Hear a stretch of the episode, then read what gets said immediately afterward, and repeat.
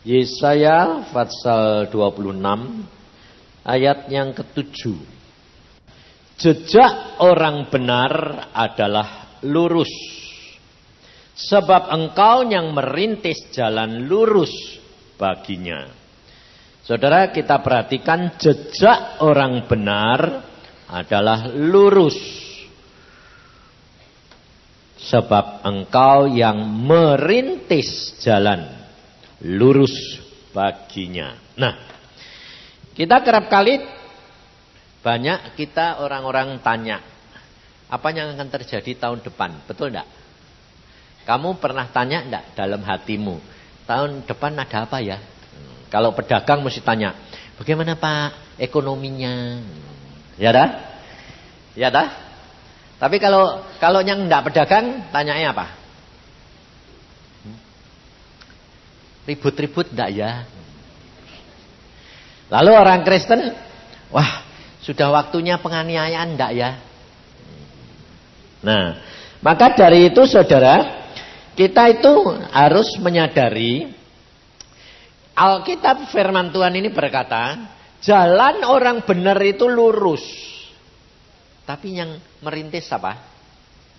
Hah? Tuhan. Jadi saudara bisa enggak jalan lurus. Tidak bisa kalau tidak dirintis oleh Tuhan. Nah, kalau Tuhan yang merintis, berarti saudara tahu tidak jalan itu? Eh? Tahu tidak? Tidak tahu. Nah, kalau tidak tahu nanti jalannya ke mana? Kalau Tuhan merintis itu ya hari ini di mana kamu oh ini hari itu Tuhan Yesus kan sudah berkata toh hari ini ada kesusahannya hari ini. Besok kesusahan besok. Jadi tidak usah dipikirin. Tapi kenyataannya kamu. Hmm. Jadi kamu ini berarti nurut Tuhan pada. Lo ngerti ya kamu. Pantesan saudara itu tidak pernah tahu jalannya. Karena apa? Karena kurang percaya. Dan ini biasa saudara. Saya dulu juga begitu. Makanya saya dihadapkan dengan kenyataan-kenyataan. Mentok sana, mentok sini, mentok sini. Akhirnya jalannya siksa. Sana mentok, balik sana, sana mentok, balik sana. Jadi majunya itu pelan sekali. Nah, maka satu saat saya tidak maju-maju. Lalu Tuhan memberi penglihatan kepada saya begini. Dia bilang, Yusa, Yusa. Geleng-geleng loh saudara. Kalau kamu caranya gitu dulu, nanti tidak sampai-sampai. Habis Tuhan, takut. Apa yang kamu takutin? Lah itu ada singa. Sana singa. Oh, saya miring sana, sana haung lah. Balik. Ke sana haung balik. Lalu Tuhan berkata begini, kamu perhatiin. Kamu perhatiin. Jalan yang kamu jalani itu milik siapa? Tuhan. Kamu berjalan di jalanku, Tuhan berkata. Ya tapi itu pinggir itu ada singa, itu ada singa. Loh, kamu perhatiin, singa itu tidak pernah dapat melangkah ke dalam jalanku. Cuma di pinggirnya. Dia akan ngikuti kamu terus. Jadi kalau kamu datang sini, oh, kamu lari sana. Di sana, oh. Kenapa? Karena matamu tidak tertuju ke depan. Karena memang di jalan-jalan Tuhan itu saya dilihatkan saudara. Jalannya itu lurus bagus. Tapi di kanan kiri itu banyak sekali pemandangan yang sangat menarik hati. Bukan pemandangan toh, macam-macam. Saya dulu waktu muda kan mata keranjang. Jadi di sana-sana itu, waduh. Nah, orang kalau pergi toko, ya kita coba pergi sama perempuan, jalan ke toko. Nanti menceng-menceng enggak? Nah, kita tujuannya ke sana Tapi kalau kita lewat di toko, mesti mata kita lihat dah toko-toko yang di sebelah itu. Lihat dah? Nah, jalannya bisa lurus sama menceng. Mampir, mampir, mampir. Nah, itu gitu saudara. Kenapa? Karena tidak sengaja ketarik. Saya juga begitu. Saya bilang, ah, Tuhan, saya lihat sana, jadi jalan saya ke sana. Nah iya makanya Tuhan bilang. Lalu saat kamu mau keluar dari jalan, singa sudah mengaum untuk me, mengapa? Mener? Siapa yang bilang? Alkitab tidak ada bilang singa menerkam kamu tidak ada. Mengaum-ngaum dia siap menelan. Ngawur makanya itu baca Alkitab kamu bikin-bikin dewe kamu kerap kali diterkami mbak singa. Wah Alkitab tidak bilang kamu diterkam, tidak ada. Dia mengaum-ngaum siap menelan. Ah, kamu yang mikir kok, diterkam lah ya kamu diterkam, kerasain lu. Sebab saudara tahu singa itu setan itu sudah tidak punya gigi, makanya tidak bisa gigit. Isane nelen. Lah kalau kamu besar, tidak bakal ketelan langsung dong. Nggak jangan takut, dia sudah ompong.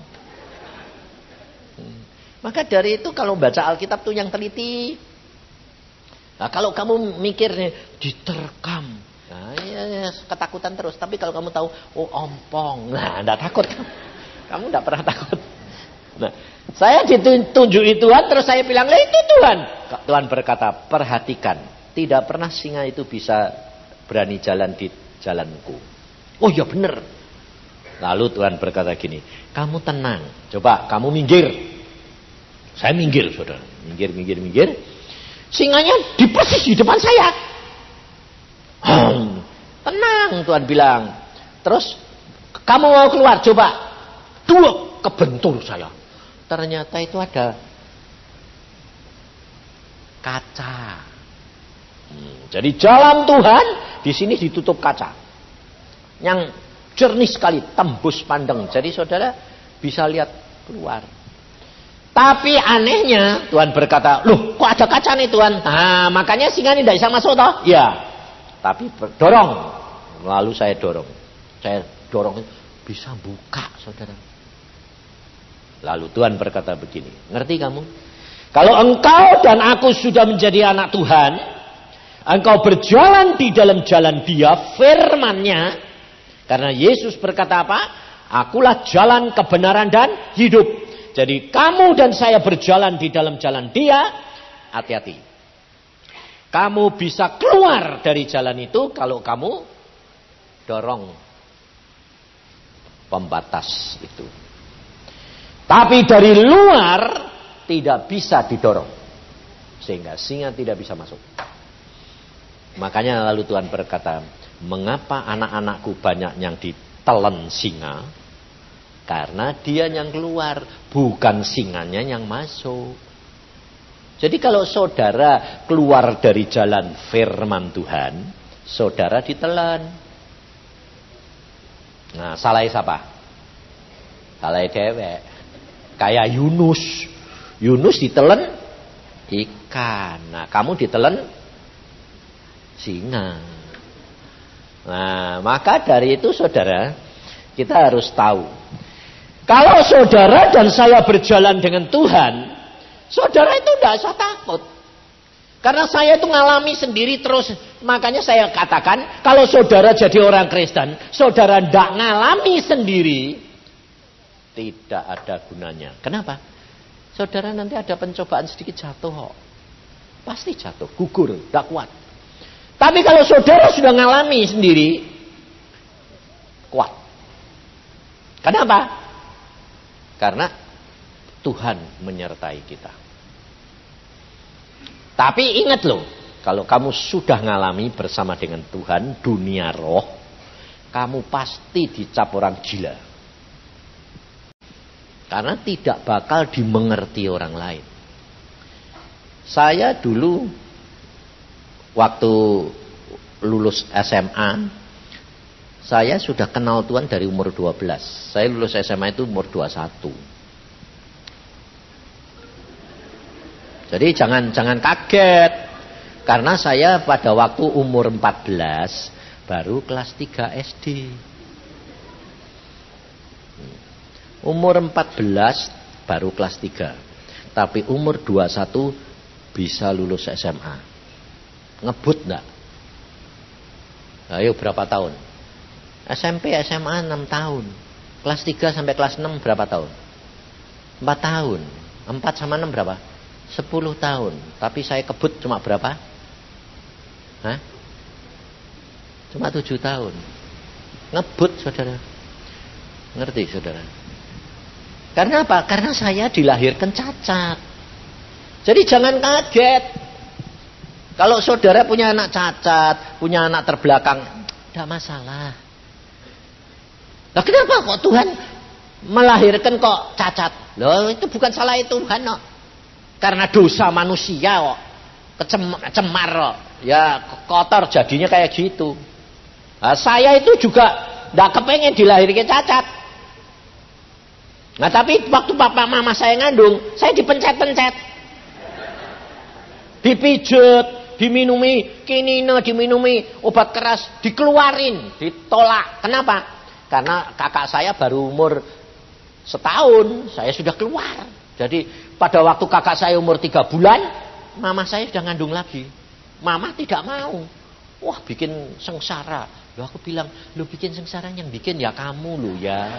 Kok anaknya sing dipencet-pencet. Nah, sehingga saya tuh keluar cacat, saudara. Cacat mental, dehidrasi, apa yang saya makan keluar. Jadi dokter bilang anak ini tidak mungkin hidup. Jadi sejak saya dilahirkan saudara tahu, saya tidak pernah setelah keluar dari anu dilahirkan beberapa hari itu tidak pernah tidur dengan orang tua. Saya diambilkan seorang pembantu yang baru juga punya anak. Saya disuruh menyusui dan suruh memelihara dia. Saudara tahu, saya anak terbuang tapi Tuhan itu luar biasa. Saya sebetulnya sakit hati, ya toh? Dibuang sakit hati enggak? Eh, sakit toh? Saya itu yang saya ngomong sama bapakku itu mesti dibut. Sampai mama bilang, "Wes gak usah ngomong sama bapakmu." Lah aku bilang, "Lah gak ngomong piye bapak nah, tapi pada waktu saya tumbuh saudara, ayah saya itu tidak pernah ngajak saya jalan-jalan itu tidak pernah. Yang diajak mesti orang adik-adik saya. Kakak saya. Kenapa? Nah, saya itu hitam dewek oh, kayak Norito. Kayak orang irian saya itu. Ini ini ini ini tidak kena sinar matahari. Kalau sinar matahari jadi langsung hitam. Istri saya itu tahu, makanya dulu waktu saya seneng sama istri saya, ah, saya kan jalan sport dulu, kebakar terus. Jadi hitam kayak orang irian. Jadi mau satu saya seneng sama istri saya, istri saya bilang, apa? Dia seneng aku? Kelantang dulu. Tahu kelantang? Kelantang itu disabun jemur, sabun jemur, biar jadi putih. Lah aku bilang, loh kulitnya sudah rusak oh. Kalau kena sinar matahari jadi oh. Kok suruh ngelantang mau diseset aku. Tapi Tuhan Tuhan itu luar biasa. Waktu saya jengkel saya bilang, "Tuhan tuh jodoh ngasih jodoh sebelum-belum sudah nyakiti hati." Aku bilang, Tuhan bilang, "Jangan sakit hati." Kamu hitam, dia putih. Kalau susu tok cemplang, kalau kopi tok cemplang, kalau susu sama kopi sedap loh. Saudara tahu? Tuhan itu suka gurau, saudara. Aku sampai heran-heran itu karena apa ya? Kerap kali Tuhan itu gurau gitu. Jadi jangan ditanggapi. Demikian juga ayah saya sama ibu. Saya jengkel sama papa, papa jengkel sama saya. Saya malah Tuhan ngomong gini. Kamu udah boleh jengkel sama bapakmu. Malah kamu berterima kasih sama bapakmu. Sayangi bapakmu. Loh kenapa Tuhan? Wong saya dibuang. Tuhan bilang, justru karena kamu dibuang, aku nemu kamu. Jadi kalau kamu tidak dibuang, aku tidak bisa sayang kamu. Karena apa? Sudah ada yang nyayangin. Loh kok gitu? Karena aku cemburuan. Oh. Nah, ngerti saudara? Lalu saya bilang, terima kasih Tuhan. Kalau gitu saya mesti sayang papa ya. Gara-gara dibuang jadi engkau sayang aku. Hmm, itu betul. Saudara tahu? Sehingga akhirnya saya sayang papa, mama. Kenapa? Terima kasih pak, gara-gara mau buang. Maka dari itu saudara, jalanmu itu bukan jalannya Tuhan. Pikiranmu bukan pikirannya Tuhan. Tapi coba belajar Tuhan yang merintis jalan orang benar. Nah, orang benar itu bukan orang yang merasa benar. Salah. Orang yang merasa benar tidak akan dapat masuk surga. Karena kalau orang itu merasa benar, dia tidak butuh Yesus. Makanya banyak orang orang tidak bisa jadi Kristen karena apa? Dia lihat orang Kristen lebih jahat daripada orang tidak Kristen. Saya bilang, benar. Loh, betul Pak, betul. Karena Yesus datang cari orang dosa. Jadi orang Kristen itu pasti jelek. Jahat. Pasti bekas penjahat. Pasti bekas korupsi. Pasti watak itu jelek sekali segala. Iri hati. Pahit. Menghakimi. Ya toh? Nah, terus apa? Tama, mata duiten. Ayo pasti orang Kristen. Orang Kristen itu mesti bekas mata duiten. Nah, saya buktiin. Kamu kalau sembahyang itu selalu minta berkat atau minta memberkati. Tiap hari datangnya, Tuhan berkati. Betul lah? Aku usaha apa? Pengen untung besar mata duitan nah. mata duitan nah. Hah? tapi tidak sadar itu orang Kristen saudara maka dari itu Tuhan berkata kepada saya begini aku datang mencari orang dosa ngerti kamu ya Tuhan aku ini jelek sekali Tuhan Nah, justru kamu jelek, aku cari supaya kamu aku benarkan. Hmm. Maka firman Tuhan berkata, Orang benar lurus jalannya. Orang yang dibenarkan Yesus itu lurus jalannya karena Tuhan yang merintis jalan lurus itu. Jadi saudara dan saya yang dibutuhkan apa? Masuk percaya di dalam jalan Yesus, maka dia yang akan melakukan.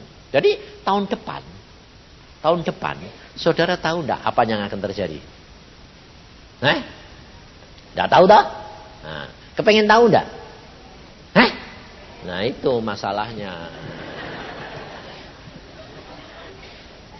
Sekarang kamu kepengen tahu, dikasih tahu, tapi kamu tidak bisa ngatasi bagaimana? Ayo, berani? Ya percuma toh. Kamu dikasih tahu, tahun depan nanti ada ribut-ribut Ayo, kamu terus kamu kalau bilang tahun depan akan terjadi keributan, gempa bumi, lalu banjir, Jakarta akan tenggelam. Kowe siap-siap lari dah. Ayah, lari dah. Nah, itu kan bukan jalannya Tuhan. Yang rintis kamu sendiri dah. Nah, makanya itu salah. Jangan kepengen tahu tahun depan itu ada apa. Tidak usah. Tapi yang kamu harus tahu apa? Tuhan, apa yang saya harus lakukan tahun depan? Siapkan hidupku. Ya dah. Jadi apa pun yang terjadi, saudara bisa ngatasi. Jadi orang Kristen itu jangan lari dari masalah. Tapi mengatasi masalah. Baca Alkitab. Elimelech, karena orang kaya, Bethlehem kelaparan, pindah ke Moab, malah mati hmm, di Moab. Waktu Abraham kelaparan, Tuhan berkata, jangan pergi ke Mesir. Tinggal di sini.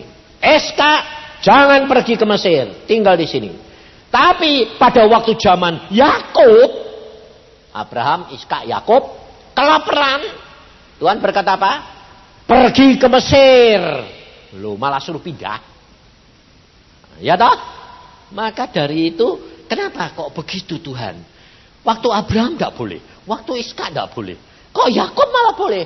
Nah, karena Tuhan ngerti. Di Mesir sudah ada Yusuf. Anaknya sudah dikirim sana jadi raja. Jadi bapaknya ke sana tinggal menikmati loh. Penak lah? Penak lah? Ah, iya. Nah, buat apa kamu tahu mau terjadinya apa? Tidak usah. Yang penting berjalan dengan Tuhan hari demi hari kamu akan dituntun. Ah, rahasianya apa? Coba baca di dalam Wahyu 10, eh Wahyu 3 ayat 10. Karena engkau menuruti firmanku untuk tekun menantikan aku, maka aku pun akan melindungi engkau dari hari pencobaan yang akan datang atas seluruh dunia untuk mencobai mereka yang diam di bumi. Ini yang penting toh. Aku akan melepaskan kamu dari hari pencobaan. Loh, berarti ngatasi toh? Iya makanya itu itu yang penting.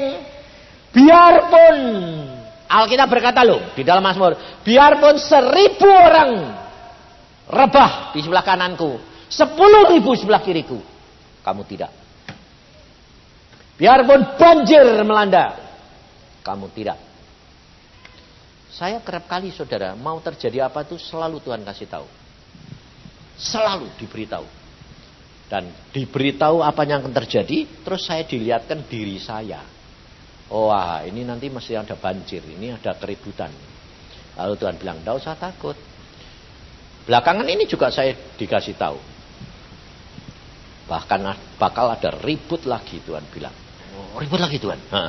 Lalu saya jalan aja gelap gulita sana rame sini rame. Orang bakar bakaran anu saya jalan aja. Aku bilang loh Tuhan Tuhan aku ini lewat di antara mereka. Kamu tenang aja. Mereka tidak lihat kamu. Iya nyatanya saya lewat kok. Tidak lihat. Loh oh kok enak ya Tuhan? Karena Tuhan berkata karena kamu menuruti firmanku dan tekun menurut menantikan aku Menurut firman berarti saudara mesti baca. Menantikan berarti doa. Kalau saudara membaca firman dengan sikap hati mau nurut. Doa. Roh Kudus akan memberitahukan. Karena apa? Karena itu tugas Roh Kudus. Coba baca di dalam Yohanes Fatsal yang ke-16 ayat yang ke-13. Tetapi apabila ia datang, yaitu roh kebenaran, roh kudus, ia akan memimpin kamu ke dalam seluruh kebenaran. Maksudnya firman Tuhan. Sebab ia tidak akan berkata-kata dari dirinya sendiri, tetapi segala sesuatu yang didengarnya itulah yang akan dikatakannya. Dan ia Roh Kudus akan memberitakan kepadamu hal-hal yang akan datang. Jadi sebetulnya tugas saudara tinggal percaya. Tapi saudara ribut. Tanya terus, Tuhan, Tuhan, nanti tahun depan ada apa sih Tuhan? Tuhan ada apa? Ada apa? Ada apa? Itu namanya kalau kamu ngotot terus, tanya terus itu orang percaya pada? Tidak. Coba kalau ada seorang ayah anaknya dijanjiin nanti kalau kamu lulus naik kelas tak beli ke sepeda. Ini belum naik kelas sudah mana sepeda nih? Mana sepeda nih? Mana sih? Bok kaplok apa bok? Nah ini kerap kali saudara itu tidak sadar begitu. Cerewet itu loh. Apa-apa tanya, apa-apa tanya. Maksud tanya itu sikap hati ini loh saudara. Maka dari itu bagian saudara dan saya itu cuma percaya Yesus. Tenang saja. Tuhan itu tidak pernah terlambat, tidak pernah tergesa-gesa. Dia tahu timingnya pas. Tapi kerap kali anak-anak Tuhan selalu bilang gini, aku tidak peka pak. Loh, aku bilang, kalau kamu bilang tidak peka, tidak bakal peka. Sebab mati hidup Alkitab berkata terletak pada lidah. Jangan bilang tidak peka. Tuhan mau ngomong sama batu saja bisa. Betul? Beliam itu nabi. Pada waktu dia naik keledai, keledai ini malah ngasih tahu dia. Loh, ah, geblek. Nabi ini apa geblek? Keledai. Ngerti tidak? Keledai ini ngomong, kenapa kamu pukulin aku? Aku ini jadi keledaimu berapa tahun tidak pernah kamu melanggar. Lalu aku melanggar kenapa? Lah di depan itu ada malaikat toh mau bunuh kamu. Aku tidak minggir, potong kepalamu. Bila bilang, lah aku tidak ngerti. Lah yang kamu nabi kok tidak ngerti. Nah, kamu ngomong sama keledai kok, masuk gue kalah sama keledai? Jadi jangan membatasi Tuhan bilang aku tidak bakal. Tidak usah. Tuhan itu luar biasa. Kalau engkau itu angsal kamu percaya, kamu lakukan bagianmu, baca Alkitab, bangun pagi. Kenapa? Karena itu yang diminta oleh Tuhan di dalam Yesaya 26 tadi, kita lihat ayat 9. Dengan segenap jiwa aku merindukan engkau pada waktu malam, juga dengan sepenuh hati aku mencari engkau pada waktu pagi. Loh, ngerti saudara? Jadi bangun pagi, nah itu hatimu yang nyari. Kalau malam, loh. Kalau pagi hati, kalau malam jiwa, pikiran. Hmm. Jadi ikut Tuhan itu mesti dengan segenap Hati dan jiwa. Roh dan jiwa. Nah, saya ajarin. Karena saya itu diajari Tuhan. Makanya itu, saya itu sebetulnya tidak bisa apa-apa, saudara. Saya ini luar biasa. Tapi jadi pinter karena Tuhan. Karena apa? Cuma nurut. Cuma nurut, saudara. Saya ini. Kalau mau tidur, Tuhan bilang. Kalau kamu tidur, jangan memikir yang lain. Loh, gak boleh mikir, Tuhan. Gak boleh. Nah, yang mikir apa? Kamu mikir aku. Mikir aku, terus firman yang kamu baca tadi pikirin terus ini. Tuhan kok kok baik ya. Engkau hari ini luar biasa, engkau anu lah. Itu sampai tidur belak. Nah, itu jiwamu kontak sama aku. Kalau pagi, bangun pagi, nyembah rohmu bersama dengan aku. Loh. Nanti semua itu beres dengan sendirinya. Karena apa? Karena kamu tinggal percaya. Hatimu akan damai. Sejahtera karena kamu percaya kepadaku. Aku yang melakukan segala perkara. Loh, sebetulnya orang Kristen itu sampel enggak? Bukan sampel gedeng loh ya. Sampel sederhana, gampang. Yang bikin susah itu cuma kamu sendiri.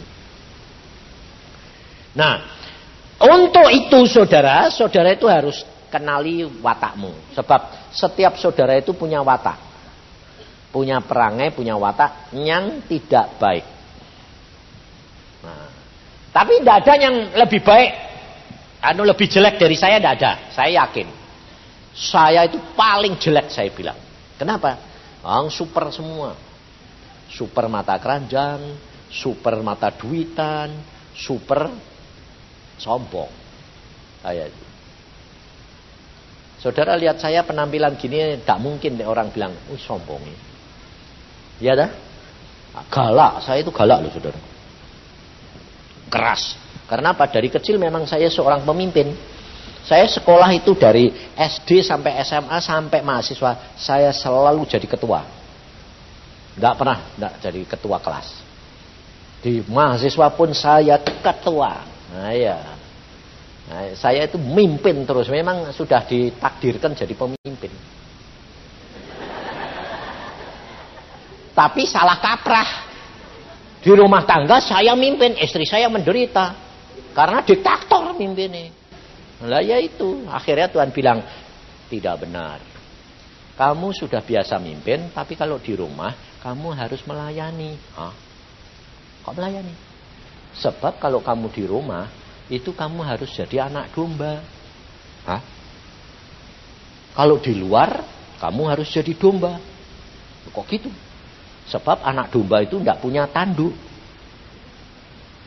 Kalau domba punya tanduk, punya kuasa. Oh, lah kalau di rumah, aku kan rum, anu kepala rumah tangga. Kepala rumah tanggamu Yesus.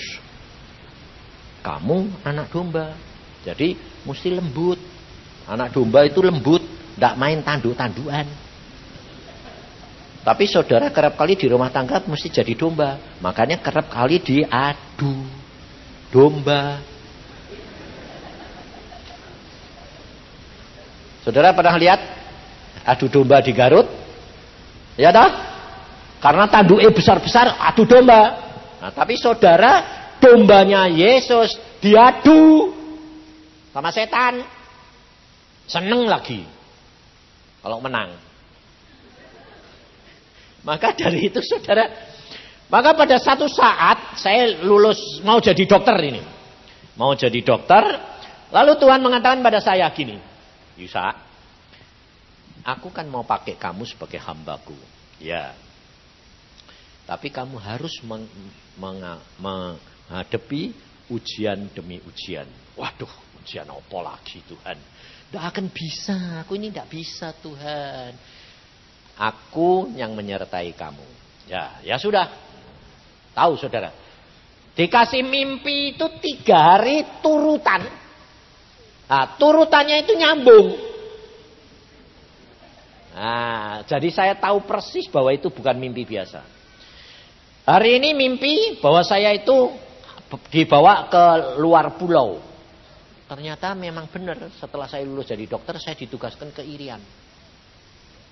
Padahal saya ngomong sama istri saya, sama ayah saya. Saya mau ke seluruh Indonesia, kecuali Irian. Hmm, makanya saya punya pengalaman luar biasa. Kalau kamu mau, Tuhan tidak mau. Kalau kamu tidak mau, Tuhan mau. Saya bilang, tidak mau ke Irian. Aku dari Jepara ke Jakarta itu menghadap Dirjen itu tidak Irian. Waktu Waktu mau masuk saya sembahyang terus saudara. Tuhan aku tidak mau irian. Tapi engkau yang menetapkan langkah. Ya, sembayangnya aneh dah. Kamu kerap kali kan gitu. Sudah minta ini, ini, ini, ini, ini Tuhan. Tapi kehendakmu jadi. Ya, kelihatannya rendah hati. Padahal itu munafik gitu. Itu munafik gitu. Lain sama doanya Tuhan Yesus. Doanya Tuhan Yesus itu tulus. Tuhan Yesus itu tulus. Dia bilang, kalau boleh. Ya, tapi kalau kamu anda, aku kepengen ini, ini, ini, ini, ini. Tapi kehendakmu biar jadi. Tapi hati ini bilang, yang itu aja. nah, itu munafik. Itu munafik gitu. Nah, pada waktu itu juga saya begitu saudara. Aku mau Tuhan ke seluruh Indonesia. Tapi jangan irian. Coba pada waktu tahun 68 itu Irian belum masuk Indonesia, saudara masih pepera. Jadi saya tidak mau. Penuh malaria lagi. Gajinya tidak cukup lagi. Orang dikirim sana itu suruh jadi sukarelawan. No. Jadi saya tidak mau. Masuk jedet. Madep. Saya doa, Tuhan engkau yang tetap gitu. Duduk saudara, langsung duduk. Ini dirjennya dokternya bilang gini, saya minta saudara berangkat ke Irian. Ngerti saudara? Langsung. Empat tahun Irian tidak ada dokter gigi. Saya minta saudara jadi sukarelawan. Jawaban saya apa? Ini saya lupa, plus hilang. Saya bilang, saya siap. akhirnya surat itu disodorkan, saya langsung tanda tangan loh. Saya siap. Oke. Lalu Dirjen sampai bilang gini, saya salit saudara satu-satunya dokter gigi yang siap berangkat ke Irian. Saya masih tidak sadar kalau itu Irian. Saya keluar dari pintu kamar Dirjen, Baru pikiranku dikasih balik oleh Tuhan. Plek. Loh aku tadi ke mana sih Tuhan? Ke biak. Loh biak kan irian. Iya. Loh, loh aku tidak mau. Apa pun yang Tuhan sudah tetapkan. Eh, Mbok paksa toh Tuhan. Saudara tahu, aku tidak diem loh. Saya balik tanpa ngetok. Saking kaget Balik. Dokter, saya tadi ke mana? Irian. Saya tidak mau. Dia orang Islam bisa mengucapkan isi Alkitab. Saya minta ya di atas yang ya, tidak di atas yang tidak. Mateng aku mau. Kayak orang ditampar Mbak Firman. Terus saya bilang, ya sudah saya berangkat. Saya bilang. Saudara tahu, kalau kamu tidak ngalami sendiri berjalan dengan Tuhan, kamu tidak akan percaya. Tapi kalau kamu mengalami luar biasa. Nah, setelah saya hari pertama disambung bahwa nanti saya akan ke Irian ke mana-mana, saya belum tahu kalau itu Irian, saudara. Sebab belum pernah ke sana. Jadi dikasih mimpi itu jalan itu sudah ditetapkan. Nah, hari kedua saya, loh, kok, kok mencari Tuhan ini, mencari Tuhan, terus berjalan itu Loh jalannya kok sempit saya bilang. Jalan ini kok ke atas gunung sana itu. Sebab di situ mimpi itu saya lihat Tuhan itu ada di atas gunung yang tertutup awan. Jadi di ujung sana. Saya bilang, saya mau harus ketemu Tuhan. Aku harus ketemu Tuhan. Saya jalan, jalannya ketutupan sudah. Gelap. Loh aku bilang, loh jalannya mana? Kok tutup? Saudara tahu, jalan itu ternyata cuma 2-3 meter tapi ditutup semua sama patung. Saya tidak tahu kalau dulu ini patung. Ini ini kok batu kok besar kayak gini nutup ini apa? Jalan ini tidak bisa digeser ini. Lalu saya nah, Heh, patung itu besarnya selebih dari serumah. Wih tinggi. Saya pikir patung gede ini segini nih piye? Eh ngomong patungnya. Dia bilang gini, ikut aku. Apa? Ikut aku. Saya mau pergi ketemu Yesus Tuhan. Sudahlah, kamu ikut aku. Buat apa? Aku tahu keinginanmu dan hobimu. Jadi saudara tahu setan itu ngerti loh, hobimu itu apa? Waktu saya saya tanya, apa hobiku? Dia cuma begini saudara tangannya. Kolam. Isinya apa? Perempuan. Segala bangsa. Sedang mandi. Bugil lagi. Waktu saya bilang, wah. Ada yang hitam, ada yang putih, ada yang kuning, ada yang coklat, ada yang Lalu dia ngomong, itu kan kesukaan kamu toh. Saya bilang, jangan munafik. Jangan bilang, enggak. Ngawur. Saya jujur saudara. Betul. Saya bilang. Saya kalau bilang betul gitu tuh enggak, enggak saya hampiri. Saya datengin. Saya pegang satu-satu. Saya bilang, saya terus terang. Saya bilang, waduh ini kesukaan saya. Lalu setan patung itu bilang gini, itu kesukaanmu toh? Ya, ikut aku. Semua milikmu. Segala bangsa. Ya tahu. Aku bilang, aku seneng. Tapi aku mesti ketemu Yesus dulu. Baru itu.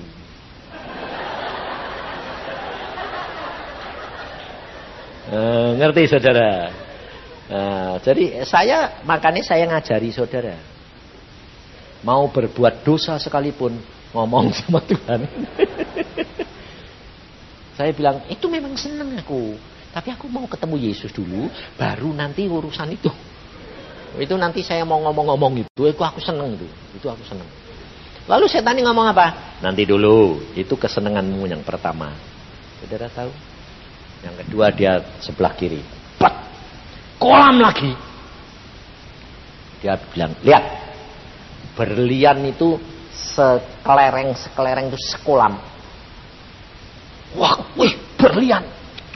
Saya datangi ambil. Wih, betul ini juga aku suka. Eh, ayo jujur, suka ndak? Hah? Nah, tapi suka pura-pura ndak suka dong. Nah, sok rohani. Saya jujur, itu juga suka, itu suka, saya bilang. Tapi saya mau ketemu Yesus dulu. Nah, ini loh saudara. Hati, sikap hati yang mencari dia. Ini yang Tuhan mau. Padahal saya belum mengenal banyak. Belum mengenal banyak.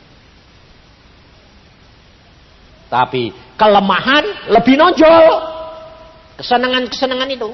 Lalu dia berkata, ikut aku, kamu belum cukup? Aku masih punya satu lagi. Saudara tahu saya digendong. Gendong, diterbang ke atas gunung.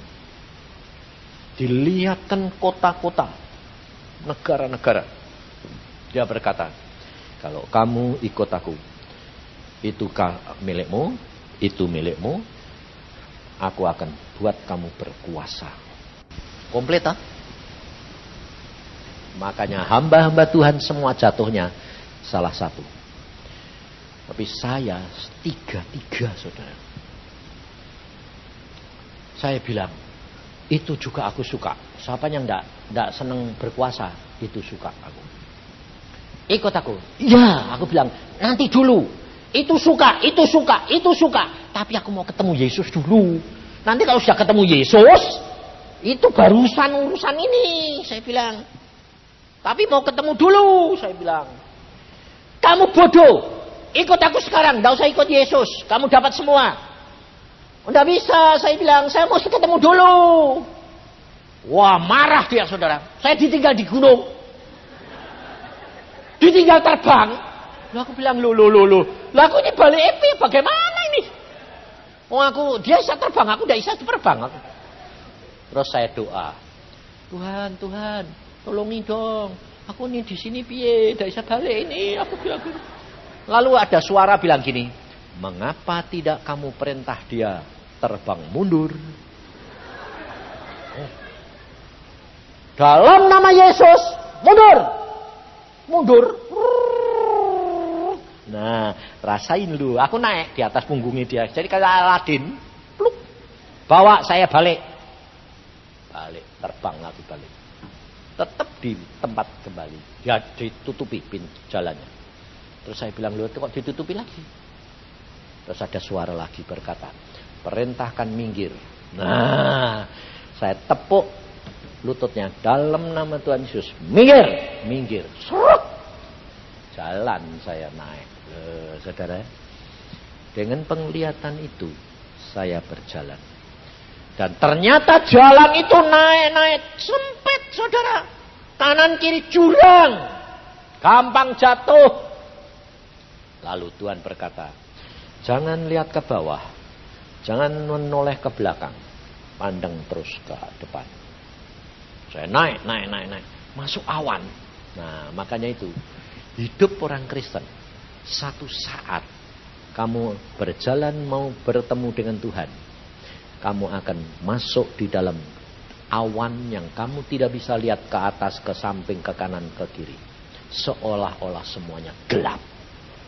Karena awan kabut putih. Saya bilang, Tuhan, ini dek salah sedikit masuk jurang. Tuhan berkata apa? Percaya saja, jalan aja. Saya jalan terus. Sampai lewat dari awan. Kaget saya saudara. Tuhan Yesus di sana, di atas gunung, di bawah, di atas awan, gunung. Dia menanti pakai jubah putih luar biasa. Dia berkata ketawa, mesem gini. Selamat datang hambaku. Bayang saudara. Dan penglihatan itu, mimpi itu seumur hidup tidak akan saya bisa lupakan. Sampai hari ini, setiap kali aku ingat dia, saya tidak bisa lupa. Pada waktu saya bertemu dengan dia, tidak bisa saudara. Tidak bisa lalu, waduh senang, tidak bisa. Nyembah langsung, lutut langsung tekok lutut mengatakan Tuhan aku datang Tuhan berkata berbahagialah engkau hambaku engkau tiba ngerti saudara dan Tuhan berkata terimalah aku beri kamu batu putih ukurannya itu 60 kali 20 kali 20 tidak ada batu berlian kayak begitu. Bergemerlapan luar biasa saya bilang ini batu apa Tuhan? Ini yang aku mau berikan kepadamu. Sang, karena begitu takjubnya saya saya taruh di atas saudara kepala ini. Karena di dihormati toh. Waduh luar biasa. Sampai saya senang eh masuk segini masuk saya bilang lu Tuhan kok masuk Tuhan bilang gini kalau tidak masuk bisa diambil orang kalau masuk tidak ada orang bisa mengambil karena menjadi milik luar biasa toh Wah, doa aku bilang terima kasih Tuhan. Segini. Eh, Tuhan megang lagi.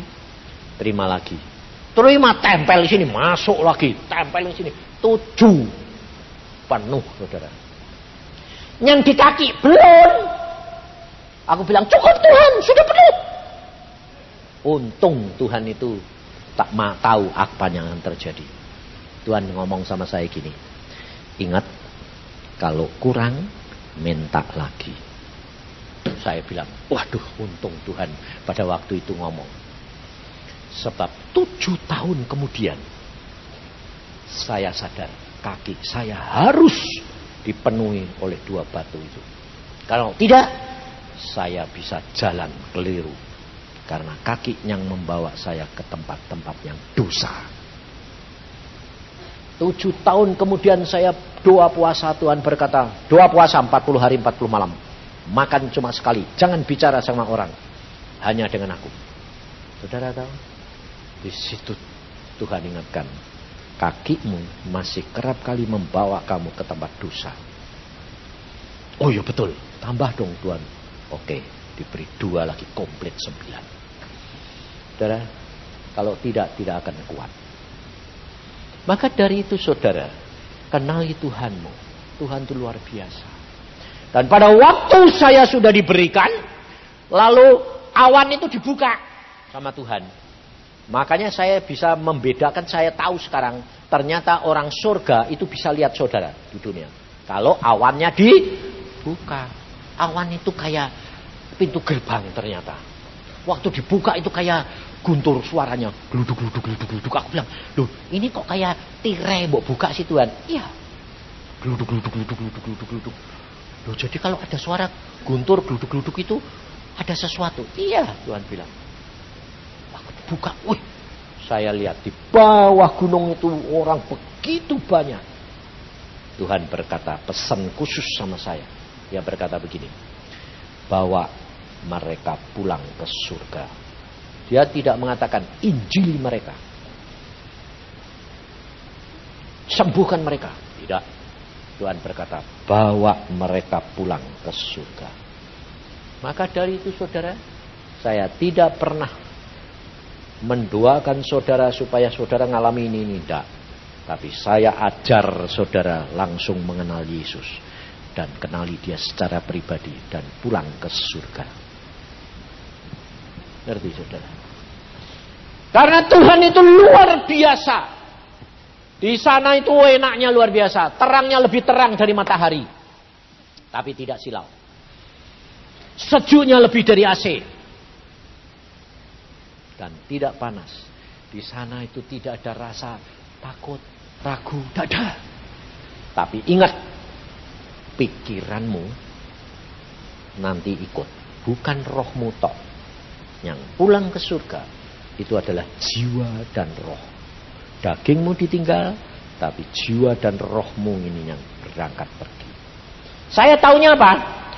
Ya karena sudah sampai di sana, loh sifat mata keranjang saya kok belum hilang. Kaget saya. Karena apa? Sampai sana, mata saya tuh lihat-lihat. Nyari apa? Nyari malaikat. Karena saya pernah dengar di dunia, malaikat tuh cantik-cantik. Jadi di sana itu saya gini, Lalu Tuhan mesem gini. Di sini tidak ada dosa. Aku bilang, dosa apa? Aku tidak berbuat dosa. Tuhan bilang, mesem gini. Yang kamu cari apa? Kok tahu? Aku bilang. Kok tahu? Kamu bilang, tahu aja.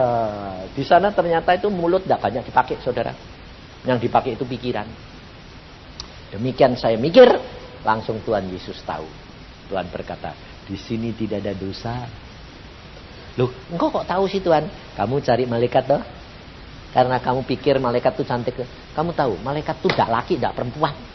Oh, malaikat tidak laki, tidak perempuan. Tidak. Jadi kalau kamu cari malaikat perempuan tidak ada di sini. Makanya saudara kamu harus kenali Tuhan luar biasa. Saya itu dulu suka judi loh saudara. Judi itu paling asik buat saya. Kenapa? Tegang soalnya.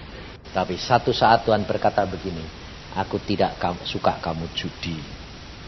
Loh Tuhan yang tidak suka kan kamu, aku suka. Lalu Tuhan berkata, engkau kan hambaku. Nah, kamu mesti nurut apa yang aku tidak suka, oh, aku tuanmu. Ya. Nah, kalau tidak suka, tidak bisa Tuhan. Tidak mau, tapi berbuat. Kan percuma, aku bilang gitu. Lalu Tuhan berkata apa? Aku akan angkat. Kalau kamu mau. Minta. Oh, minta. Oke Tuhan, saya tidak akan judi lagi. Tapi angkat dong. Dia angkat. Des, hilang. Saudara. Sampai sekarang tidak suka. Saya jago biskop. Saya di Semarang itu tiap ada film, ada tujuh gedung biskop. Setiap ganti film saya nonton. Tidak pernah tidak nonton. Tapi kebalikan istri saya tidak suka nonton. Aku bilang, punya istri tidak juga tidak suka nonton. Piye bingung aku. Jadi saya kalau nonton sendirian. Lalu satu saat sudah kawin ini. Saya bilang sama istri saya, yang aku mau lihat biskop. Ya sudah, sana lihat Pak Duake. Oh, kamu ini kok nakal sih? Wong lihat biskop kok tidak boleh. Sampai Tuhan ngomong. Benar saudara, di beca ini ngomong. Mulai hari ini kamu tidak suka biskop.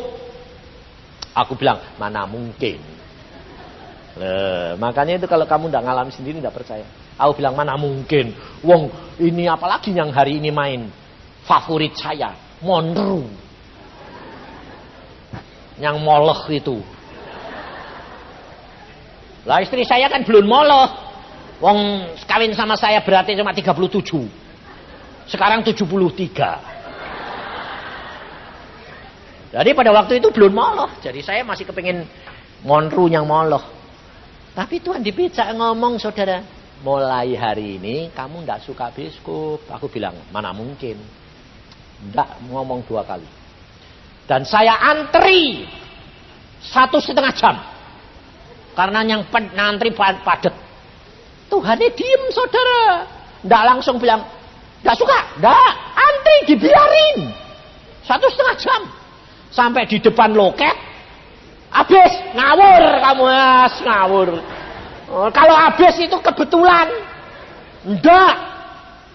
Setelah di depan loket, Mas, masih ada? Masih. Pak, saya bilang. Tunggu ya Pak, saya satu loh. Kenapa? Sebabnya Tuhan ngomong. Sebelum saya beli itu Tuhan ngomong. Coba monrumu itu lihat lagi. Nah, saya kan jadi lihat. Loh, kok jadi jelek? Monrunya jadi jelek. Isa, Isa tidak narik. Aku sampai, sebentar ya Pak, pokoknya saya sudah di depan. Saya mau lihat gambarnya lagi. Tak datangi saudara. Dari ujung rambut sampai kaki yang dulunya moloh gini-gini. Lu kok jelek? Lu mateng. Ngerti saudara? Kamu bisa tertarik, kamu bisa melihat orang lain indah. Anugerah. Saya ngalami sendiri. Monru itu yang saya puja-puja itu kok jelek kok jelek. Akhirnya saya tidak jadi beli. Saya pulang, saudara. Istri saya bingung. Loh, kok pulang? Syukur. Loh, kok syukur kenapa? Kehabisan karcis toh? Enggak, syok. Kenapa? Tuhan ngomong, mulai hari ini kamu tidak suka biskup. Eh, Tuhan ngomong. Iya. Terus, mondruni jelek. Mondruni jelek. Lu kok bisa gitu? Udah tahu aku. Hmm, saudara tahu? Tuhan bisa tidak membuat baik jadi jelek, jelek jadi baik? Ngerti tidak saudara? Itu kuasa, itu kasih karunia. Saudara tahu? Sejak itu saya tidak pernah lihat biskup. Hilang, dicabut. Karena apa? Lihat jelek, lihat jelek, ya sing dilihat apa, dinikmati apa? Yang jelek. Sampai aku heran. Aku sampai ngomong sama istri saya gini. Aku lihat kamu kok tambah lama tambah baik, kok aneh. Ya karena kamu milikku, aku milikmu. Jadi kutuk dirubah jadi berkat. Jadi sampai sekarang itu saya umur 66, dia 65. Kayak orang pacaran terus. Dan kita sudah tidak takut saudara. Istri saya kalau bilang, yang pokoknya kamu tidak siap, tak tinggal loh. Dia bilang ini, tidak, aku tidak bawa tinggal, aku berangkat dulu. Nanti kue tak tunggu dah surga. Saudara. Jadi hidup itu tidak takut mati, mau pergi ke mana-mana santai. Damai sejahtera menghadapi tahun depan, tidak ada ketakutan. Ngerti saudara? Karena apa? Janji. Janji firman Tuhan. Tidak usah takut. Saudara bagian saudara dan saya lakuin, maka dia yang melakukan. Dalam segala perkara, ngomong. Apa saja, dia pasti menjawab. Nah dari itu saudara saya membuktikan kalau engkau berjalan dengan Tuhan, di surga kamu bakal menikmati, di dunia pun bisa menikmati karena Alkitab berkata, di dunia pun kamu akan diberikan nikmati apa yang kamu suka Tuhan beri dalam batas yang tidak membawa kamu dalam dosa. Ngerti saudara? Kenali dia. Nah, hari ini saya itu terakhir di Jakarta. Besok terakhir saya tidak akan ke Jakarta lagi. Karena apa? Tuhan bilang, Januari kamu harus masuk doa puasa. Sendiri dengan aku lagi. Ngerti saudara? 20 tahun pelayanan, Tuhan bilang, selesai kamu masuk doa puasa. Maka dari itu saudara, kenali, Yesusmu itu real, bukan teori. Kamu ndak mungkin tidak ketemu lagi sama saya toh, tapi bakal ketemu di surga. Tidak usah cari-cari. Cari Yesus. Nanti engkau pasti kita ketemu di surga. Ya dah? Kalau udah ketemu, siapa yang sialan? Kalau saya sudah ada jaminan, saya pasti kok. Hmm, kamu tidak hati-hati, tidak ketemu ya, rasain lu. Sebabnya apa? Waktu saya khotbah di Kudus, mamah di Cirebon. Saya sedang khotbah gini loh saudara. Mamah jam 7 malam kurang 10 menit mamah mati. Dia saya lihat sendiri sedang khotbah saudara. Mamah terbang, mamah gini. Selamat tinggal anakku. Hah? Pulang mah? Ha selamat tinggal. Oke, selamat jalan mama. Ketemu di surga. Lalu jam setengah delapan selesai saya entrokal istri saya ke Bandung. Ya, mama pulang. Ya kamu di mana? Di Kudus. Kamu dicari, tidak ketemu. Kau aku lihat mama pulang tadi. Terbang jam 7 kurang 10. Iya mama pulang. Berangkat jam 7 kurang 10. Lah iya, jangan khawatir. Tuhan lihatkan. Kita pasti ketemu. Ngerti? Saudara kita tidak ketemu di dunia. Tapi pasti ketemu di surga. Ngerti? Indah saudara. Karena Alkitab sudah berkata apa? Alangkah indahnya kematian seorang anak Tuhan. Amin. Mari kita berdoa.